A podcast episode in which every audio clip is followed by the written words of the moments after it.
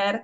Uh, odlično. Ja ću sada da ti uh, postavim nekoliko pitanja i uh, pokušamo na ovaj način uh, da ljudima ovaj, prosto dostavimo informacije koje su u ovom trenutku zaista važne. Za početak ja bih voljela da se ti predstaviš i da nam kažeš zašto je važno da se ljudi dobro informišu kome svoje zdravlje stavljaju u ruke u smislu šta je to tvoja struka i zašto je važno da se obrate pravom stručnjaku, a ne bilo kome sa interneta ko pravi planove ishrane. Pa jeste, slažem se, danas je mnogo ljudi koji se, da kažem, bave ishranom, a da zapravo nemaju neke diplome koje stoje iza svega toga ili čak da kažem škole. Mm -hmm. Često se dešava situacija da to budu uglavnom neki recimo prodavci određenih suplemenata ili bilo kakvih pomoćnih sredstava za mršavljenje i tako da kažemo i onda ljudi nasedaju na njihove magične priče i neke proste ideje koje njima zagovaraju i onda bivaju upleteni u jednu mrežu nekih saveta za ishranu koji zapravo uopšte nemaju nikakvog naučnog osnova niti bilo kakvog dejstva. Mm -hmm. mislim da je jako važno da se, da se vodimo sa uh, nutricionistom zato što sa nekim ko je uh, zaista iz struke u smislu uh, što će ta osoba na pravi način uh, pomoći svom klijentu, osobi da, da dođe do nekog idealnog rešenja, zapravo pomoći će da stekne zdrave, pravilne navike i da savlada osnove pravilne ishrane, a ne samo da postigne određeni rezultat koji želi da postigne, da li to mršavljanje ili povećanje telesne mase. Da, ono što najčešće negde um, svi prosto žele jeste da što pre uh, izgube svoj višak koji su neredko i godinama sticali i onda prosto zbog te mnogo neuspeha se um, vremenom kroz pogrešne dijete prosto suočili, ovaj, onda nekako naviknu da je to jedini način, da je zapravo jedini način biti u zabrani, u odricanju, u gladovanju, prosto da kažem negde steknu taj odre, ha, pogrešan odnos prema hrani. Pričam to iz iskustva jer se i meni to dešavalo, mm. tako da apsolutno razumem prosto kako se osoba osjeća ovaj, nakon godina testiranja raznoraznih dijeta koje su zaista, a, kada se malo bolje onako samo zapitaš, informišeš, a, potpuno nepotrebne. A, dakle, često svoje zdravlje a, stavimo a, onako u rizik prosto, a, samo zato što smo očeni i nedovoljno informisani. Tako je, tako je. Na prvo mesto tu se stavlja mentalno zdravlje najviše u rizik, jer jednom kada, kada jednom krenete sa dijetom, to je gotovo, vi ste najčešće u začaranom krugu svih tih dijeta i to je tako ceo život onda za većinu, nažalost. Uh -huh. I zato jeste uh -huh. uvek postoji ona izreka kao uh, ako želite da se ugojite, onda počnite da primenjujete neku od popularnih dijeta i to je zaista tako. Ljudi kreću sa određenom dijetom, sa tim uh, restriktivnim unosom hrane, samim tim javlja se želja, uh, nešto kad nam je zabranjeno, nama je to uvek i slađe i draže i onda to sve, mislim, vuče jedno, jedno drugo, tako da je zaista tu jako bitno nekako pametno pristupiti svemu tome. Jeste, a baš zaslepljeni tim našim stanjem koje nam se apsolutno ne dopada i godinama ga trpimo, ne možemo, da kažem pomuti nam se zdrav razum i ne možemo baš pravilno da razmišljamo, ali to nije izgovor i um, što pre shvatite uh, kako dijete funkcionišu i zašto zapravo nisu neophodne da biste vi smršali, ali kada kažem smršali, uh, mislim na to da se može smršati na bilo koji način, ali ne može se zdravo smršati, jer ja uvek polazim od toga da je zdravlje jedini resurs koji zaista uh, ne možemo da povratimo povratimo ako ga izgubimo, tako da mislim ako ga ozbiljno ugrozimo, tako da ovaj zaista ne bi trebalo eksperimentisati i igrati se sa time. Tako. E sada, mene zanima kako taj odnos prema hrani koji je poremećen, na različite načine se manifestuje kod, kod osoba, kako ga ponovo izgraditi, kako taj pravilan odnos prema hrani izgraditi, koji su to prvi koraci koje svako od nas može da uradi? Pa to je jedan dugotrenan proces koji je u suštini prilično težak, ali onda nakon nekog vremena kada, kada uspete to sve da savladate, onda je postaje sve naravno lakše i ceo život potpuno drugi smisao dobije i odnos prema hrani. Um, zavisno od e, osobe do osobe, e, recimo kod onih ljudi koji nemaju problem e, izgleda svog u, u doživljaju svog fizičkog izgleda, znači kod onih osoba koje ne pate mentalno ukoliko su imaju višak kilograma, kod njih se može to mhm. jednostavno krenuti sa time što se ukidaju sve zabrane i sva hrana je dozvoljena i onda se vežba na tome, zapravo treba nekako postaviti to, znači ništa nije zabranjeno, ali opet sa druge strane e, svesno neće, nećemo se pretrpavati toliko nekom hranom koja nam zaista mhm. objektivno nije potrebna.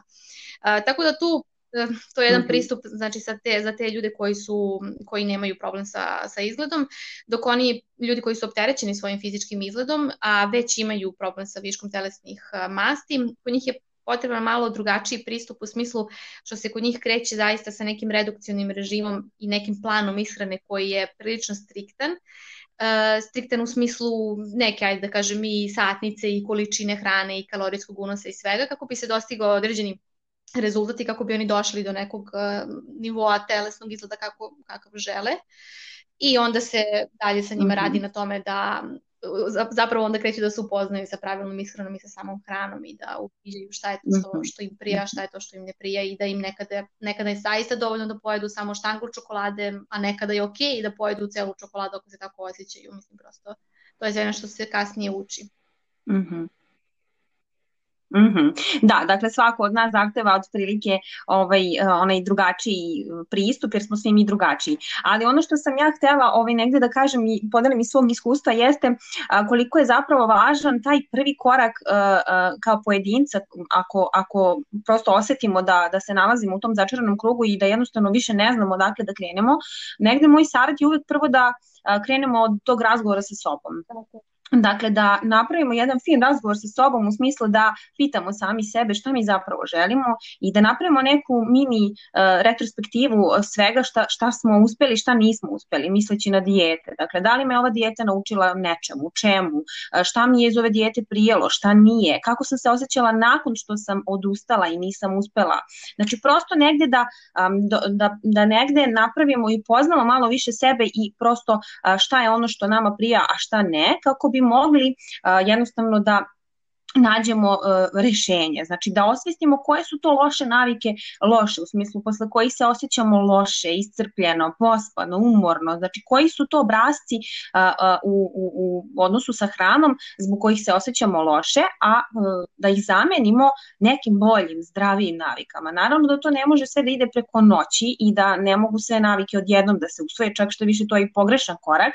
Ono što je važno jeste da se svaka od tih navika negde uh, sprovede postepe postepeno, polako, da se stavi fokus na nju i da se ponavlja izvesno vreme dok ne uđe u neki normalan obrazac ponašanja i zbog toga u stvari taj proces da. traje duže. Um, prvo nije se lako upoznati sami sa sobom, a drugo moramo prihvatiti da je u ovom uh, slučaju strpljenje zaista zlata vredno, jer nije samo uh, ovaj proces koji, koji mi u, koji ulazimo, u proces transformacije, on nije samo fizičke prirode, on je pre svega mentalne prirode i on nam služi da nas nauči kako kilažu zapravo da, da održi izdržimo. Jer ako hoćemo nešto ekstremno, brzo, za 2-3 meseca, nije problem, vi možete da izgubite 10 kg za 2-3 meseca, ali poenta je što će se ti kilogrami brzinom svetlosti vratiti, jer ništa niste stigli da naučite.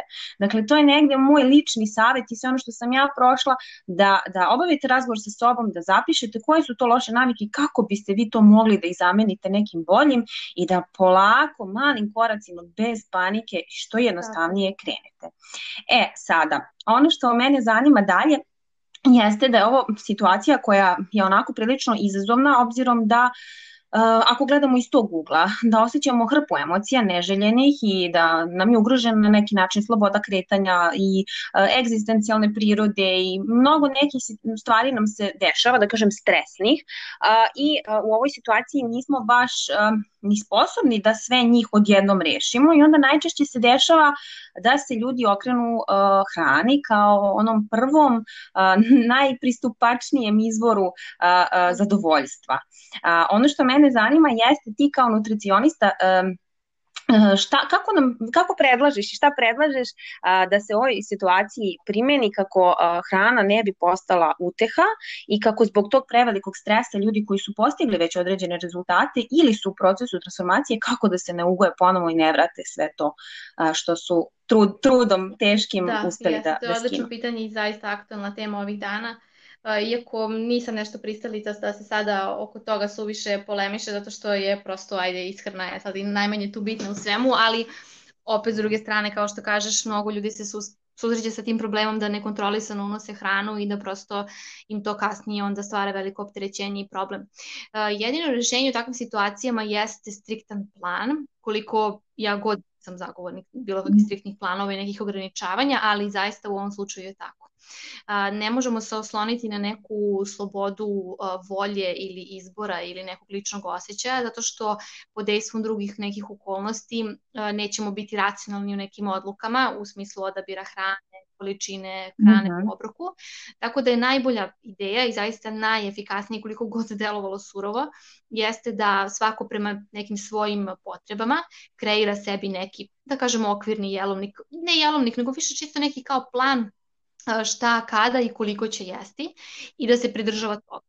Uh, jer to je mhm. zaista jedini način kada zapravo imamo taj plan na papiru da uh, znamo koliko ćemo čega pojesti i koliko nam je recimo toga dovoljno. Jer ako se oslonimo ovako na, na neku volju i ajde na samo kontrolu, to je jako, jako je teško i svi ćemo biti, svako dolazi u izazov da pojede nešto, nečega više, nečega manje, a ovako kada vodite računa i kada sve to nekako i zapisujete imate onako crno na belo pred sobom, onda e, ste sigurni nekako i da ne grešite s nekim stvarima, pogotovo što ljudi dosta nemaju svest o kalorijskim vrednostima određenih namirnica, tako da to isto nije loše da se ovaj sada period iskoristi da se malo više upoznaju sa, sa tim vrednostima i onda samim tim kada, kada jedu, mnogo im je lakše. Nedavno jedna moja drugarica rekla, našerila se, kaže, jo, pa ja nisam znala kao da u salati, na primjer, toliko ulja koliko stavim da tu bude toliko kalorija, ona onako odokativno, što se kaže, ulje u tu salatu, mm -hmm. ispade da ona, na primjer, recimo tim uljem doda toj salati kalorijsku, može da doda kalorijsku vrednost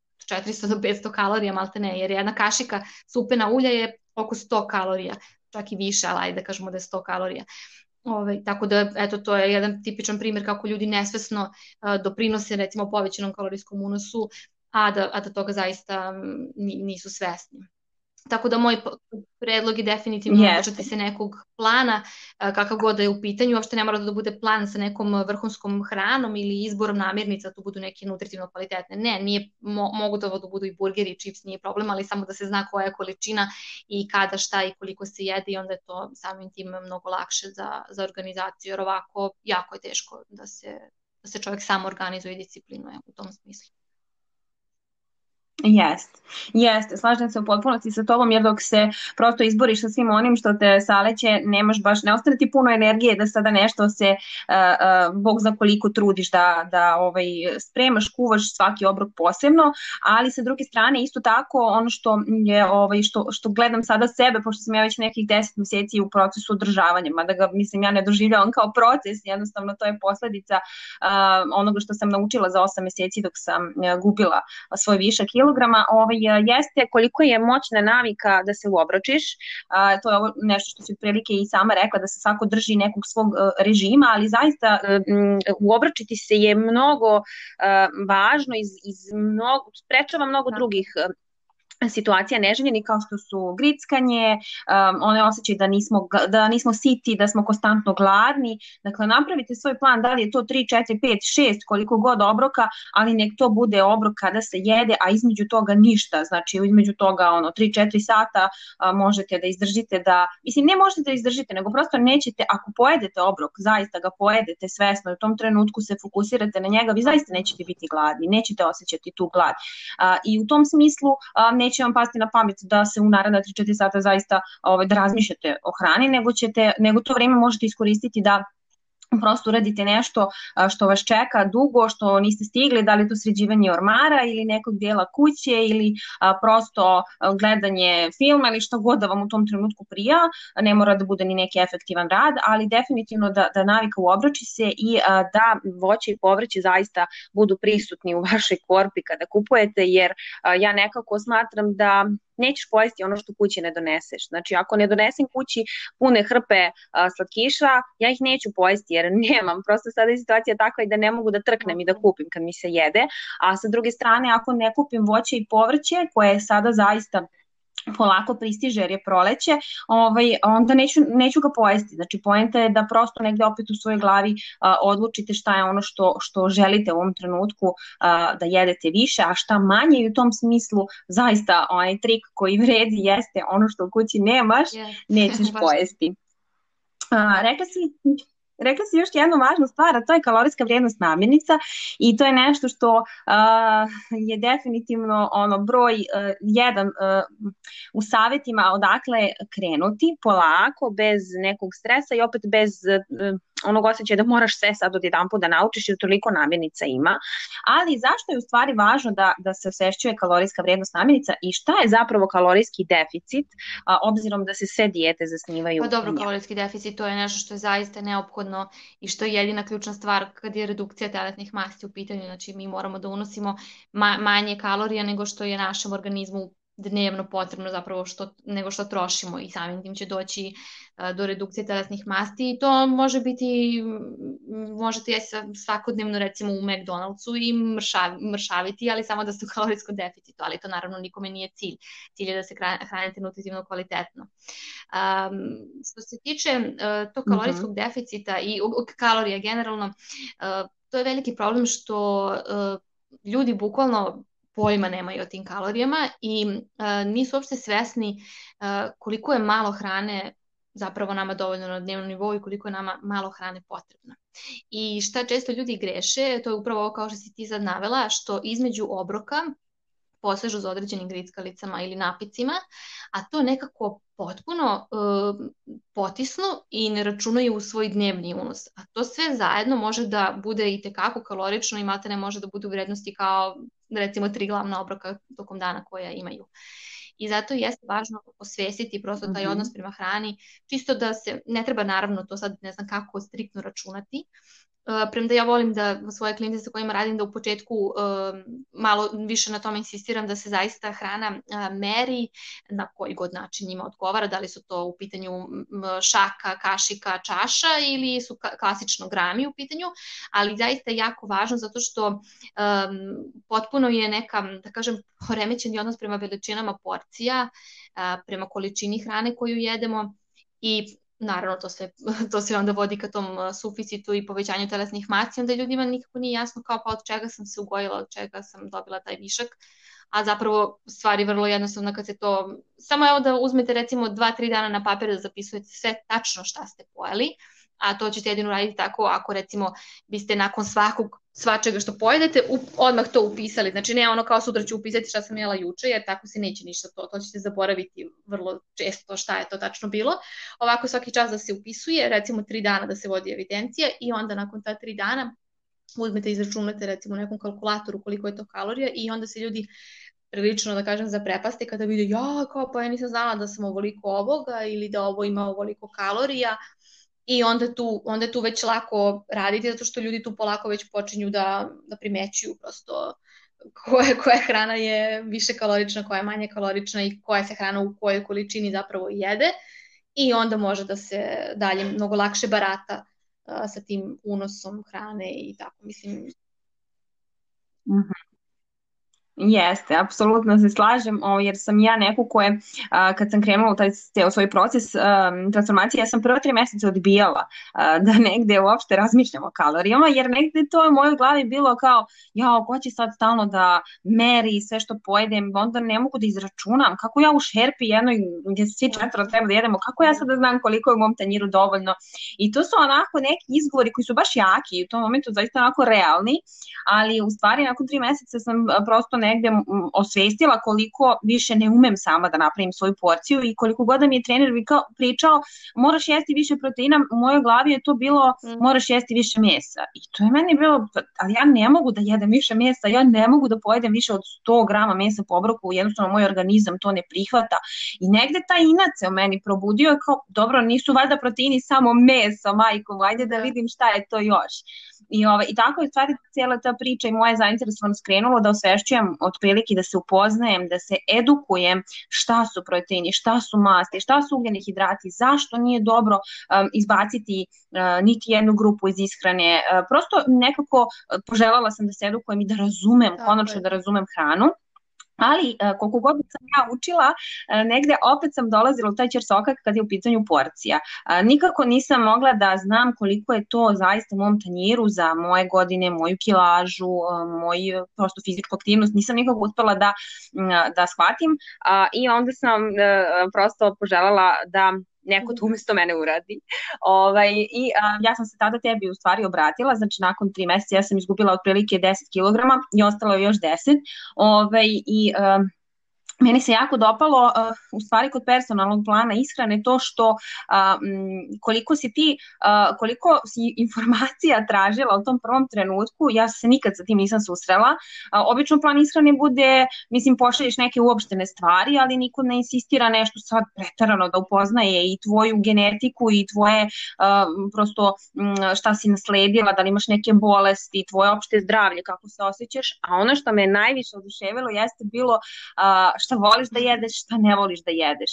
I negde da sam čekala taj plan da, da stigne e, personali koji si ti pravila, kad sam ga pogledala ja sam onako osetila ogromno olakšanje jer je u tom planu bilo ono što ja volim da jedem. Ja sam konačno dobila odgovor koliko je to količinski hrane koju mogu da, da pojedem, je. a koju volim da jedem. Dakle, nema razloga da ne jedem sarmu, nema razloga da ne jedem gulaš sa pireom, nema razloga da ne jedem ćufte sa pireom ili neku testeninu. Dakle, apsolutno e, to olakšanje koje sam u tom trenutku osetila mi je baš onako bio jedan veliki podstrek da nastavim dalje iz razloga što zaista ne mora da se izbacuje i ne mora da, da se gladuje i ne, mora da, ne moraš da jedeš onu hranu koju ne voliš, koja ti se gadi i koja samo zato što je zdrava. Ima taj neki epitet da je zdrava, a u stvari a, tvoje telo vapi za nečim drugim i onda prosto dođeš u situaciju da, da se opet prejedeš i da opet ništa nisi naučila.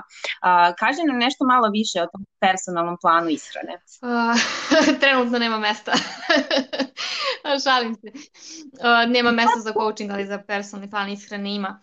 Pa ništa, ne bih sada prosto, Aha. prepostavljam da većinu ljudi možda koji slušaju ovo nisu svi zainteresovani za personalni plan ishrane, tako da neću, nećemo sada da dužimo o tome, jednostavno samo ukoliko je nekome potrebno može meni da se javi pa ćemo dalje vidjeti da li im je potreban baš individualni plan ili to može da bude neki opštijeg tipa. Nekim ljudima, neki ljudi direktno upućujem i na psihologa za koje smatram da mi uopšte nije recimo potreban plan, tako da, da ovaj, tu su različite, različite situacije, ali eto, ti si ovaj, divan primer nekoga koji je onako baš na pravi način iskoristio plan koji, koji si dobila i da, da to postane neka tvoja trajna navika i da opšte taj odnos prema ishrani da se promeni. Što sama si rekla, ja to isto radujem se ja kada moji klijenti izgube kilograme zbog kojih su, ajde, da kažem, prvobitno i došli, ali se mnogo više radujem kada mi svi oni kažu, ej, pa ja ću ovako da nastavim da se hranim. I onda ja kao, pa super, drago mi, ali to zapravo i bio moj cilj od samog početka, da tako, da tako možeš da se hraniš ceo život, a ne sad nešto privremeno da to bude. Da, baš zato sam i podelila svoje iskustvo za, za personalni plan ishrane, zato što smatram a, da jednostavno a, tu energiju koju ćete uložiti a, u nešto što prosto ne umete ili imate osjećaj da, da ne razumete i da ne, prosto ne ide vam od ruke da to a, ovaj, shvatite, a, potpuno je ok da takve stvari delegirate ljudima koji to znaju da rade, a da vašu energiju iskoristite za ono što je mnogo važnije, a to je usvajanje zdravih navika. A, u tom smislu smatram da je jako važno da, da, da negde u svojoj glavi prosto razlučite šta vi možete, šta ne. Naravno, opet kažem, ja sam čitava tri meseca pokušavala sama i nešto sam naravno naučila, ali ovaj, to je bio moj lični izbor kada sam prosto shvatila da mogu to vreme mnogo pametnije da iskoristim i da ću mnogo više da dobijem. Tako da svako verujem da može da odluči šta je dobro za njega, šta ne. A, ono što sam htela da te pitam a, jeste dalje vezano za imunitet.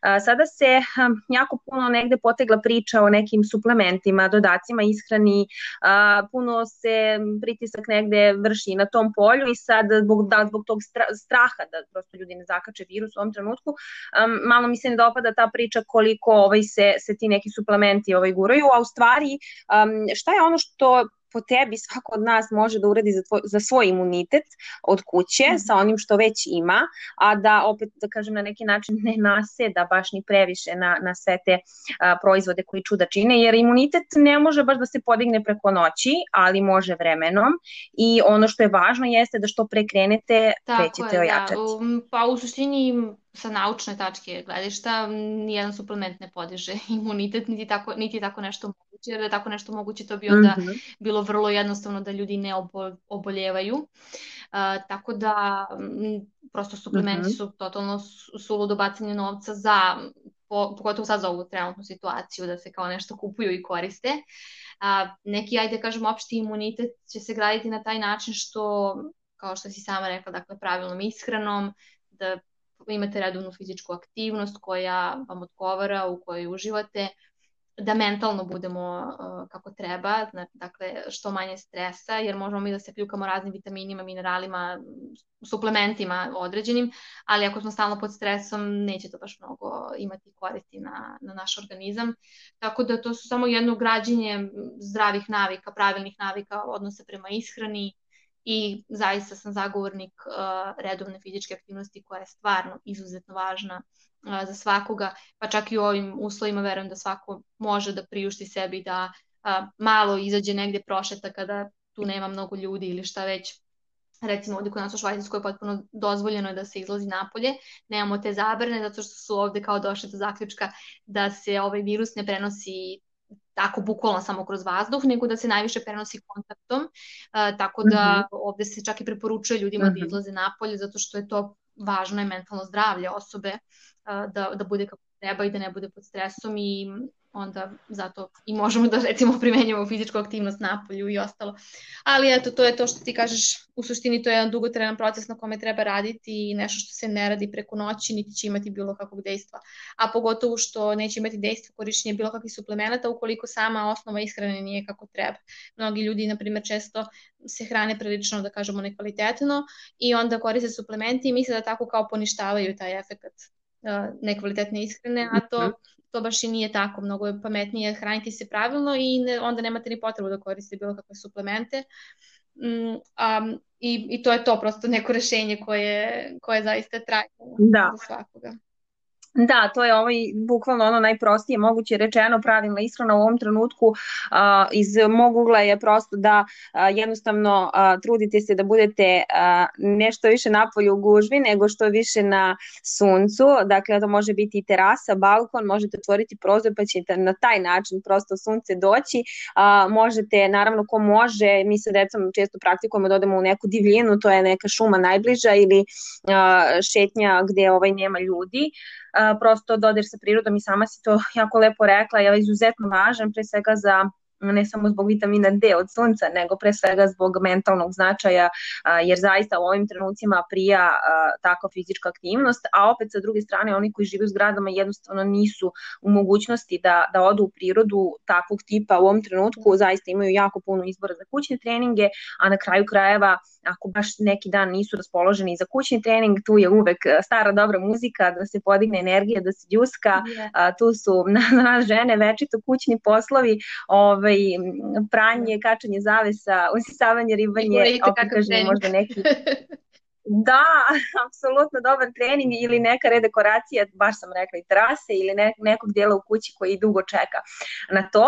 A ove, što se tiče ishrane, definitivno više svežeg voća i povrća, ono bukvalno ja, ja ga non stop guram u sve i jedem i jako važno da shvatite da se od voća i povrća, naročito voća, nećete ugojiti, a, tako da sada definitivno nije vreme za neke sulude ideje a, o dijetama i, i, ili možda čak opet neke neki drugi ekstrem poput detoksa gde ćete samo opet ići u neku drugu krajnost gde ćete piti samo uh, cijeđene sokiće danima i taj na, na taj način možete takođe ugroziti um, svoje zdravlje i opet privući ono što ne želite. Yes. Dakle, svakodnevno začin, ja koristim kurkurmu i biber stalno u ishrani već uh, dve godine, uh, kad god kuvam prosto ovaj, to su začini koji su konstantno prisutni jer e, kad se stave u malim količinama zaista na, na kuvano jelo ne osete se puno, a stvarno vremenom se kumuliraju i rade to što treba da rade vezano za imunitet.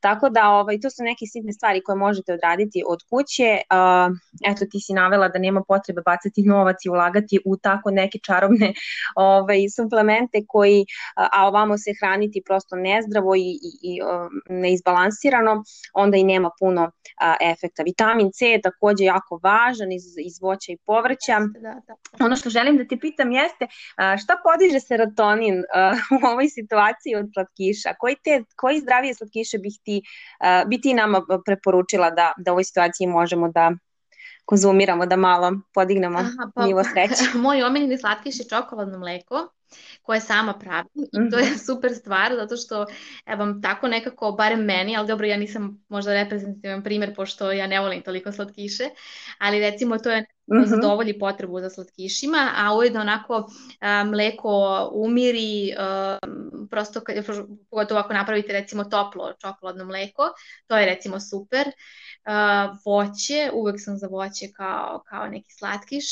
Uh, za bolje raspoloženje možda je što ti kažeš, pre bih se odlučila za muziku ili za, za neki trening nego za hranu, ali naravno e, trebaju hrani uživati, ona prosto nosi neku radost i vezujemo sa mnogim lepim mhm. događajima. Mm -hmm. uh, tako da da, znači voće sveže, možda sušeno voće, čokolada ko voli čokoladu. Zapravo u suštini tu ne postoji jedan univerzalan odgovor.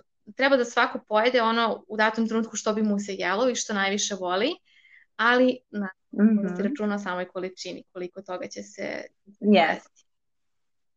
Jeste, upravo je tu ključ svega, ne odricanje, ne zabrana, nego samo pametno biranje i a, fokus na količini koja je vaša, koja jednom kada je naučite, to je to, nema brige. Um, crna čokolada a, definitivno jeste ne, zaista ovaj, ima puno benefita, ali neće vam faliti ništa ako pojedete jedan red i obične čokolade, ako ćete Tako, se osetiti da. mnogo bolje i ako ćete se zadržati na tom jednom, da, da. na jednoj štangli.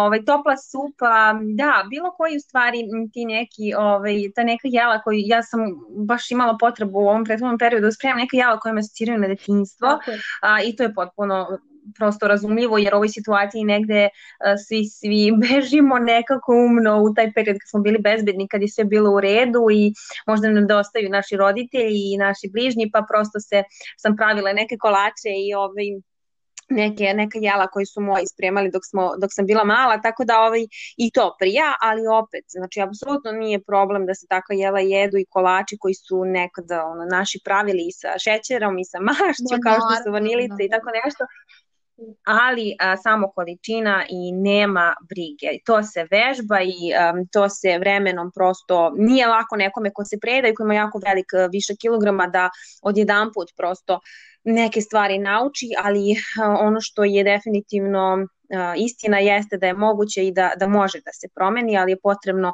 upornost, ponavljanje, ponavljanje, kontinuitet i ta želja konstantna da, da dođete do cilja. Tako je. A, mislim da smo otprilike rekle većinu stvari. Ne znam da li ti imaš nešto da dodaš još za ovu situaciju? Pa ne, ja sam baš onako oduševljena kako si ti stručno osjećala sam se kao da me novinar intervjuiše, baš si onako lepo sastavila pitanja i postavljala i vodila ceo razgovor svaka ti čast, stvarno. Mogla bi možda razmišljati o tom jo, smeru pa. kao neki podcast možda zaista ne bi bila loša ideja da imaš svoj. Da, hvala ti puno. Da, ja sam krenula sa ovom idejom da, da ljudima prosto olakšam ovaj period, da čuju a, od stručnjaka e, svašta nešto novo i da, da prosto ovaj, a, ja nekako i zbog sebe prosto da, da čujem još nekih novih stvari. Tako da ovaj, hvala ti puno, hvala ti na, na komentaru, drago mi da si uživala, ja jesam, uvijek je zadovoljstvo pričati sa tobom. Mhm. A, želim da ti se zahvalim još jednom na svoj podršci i u toku mršavljenja i nakon toga jako puno mi znači i um, vidim da prosto tvoj rad sam govori za sebe i uh, koliko puno žena je prosto uspelo uh, da, da postigne ono što, što su želele uz tvoju pomoć, tako da samo nastavi ovim sjajnim tempom, mi ćemo se naravno i dalje uh, družiti uh, i hvala ti puno što si izdvojila svoje vrijeme danas uh, da nam kažeš uh, ovako puno mudrih i korisnih stvari. Hvala tebi puno. Čujemo se, čao!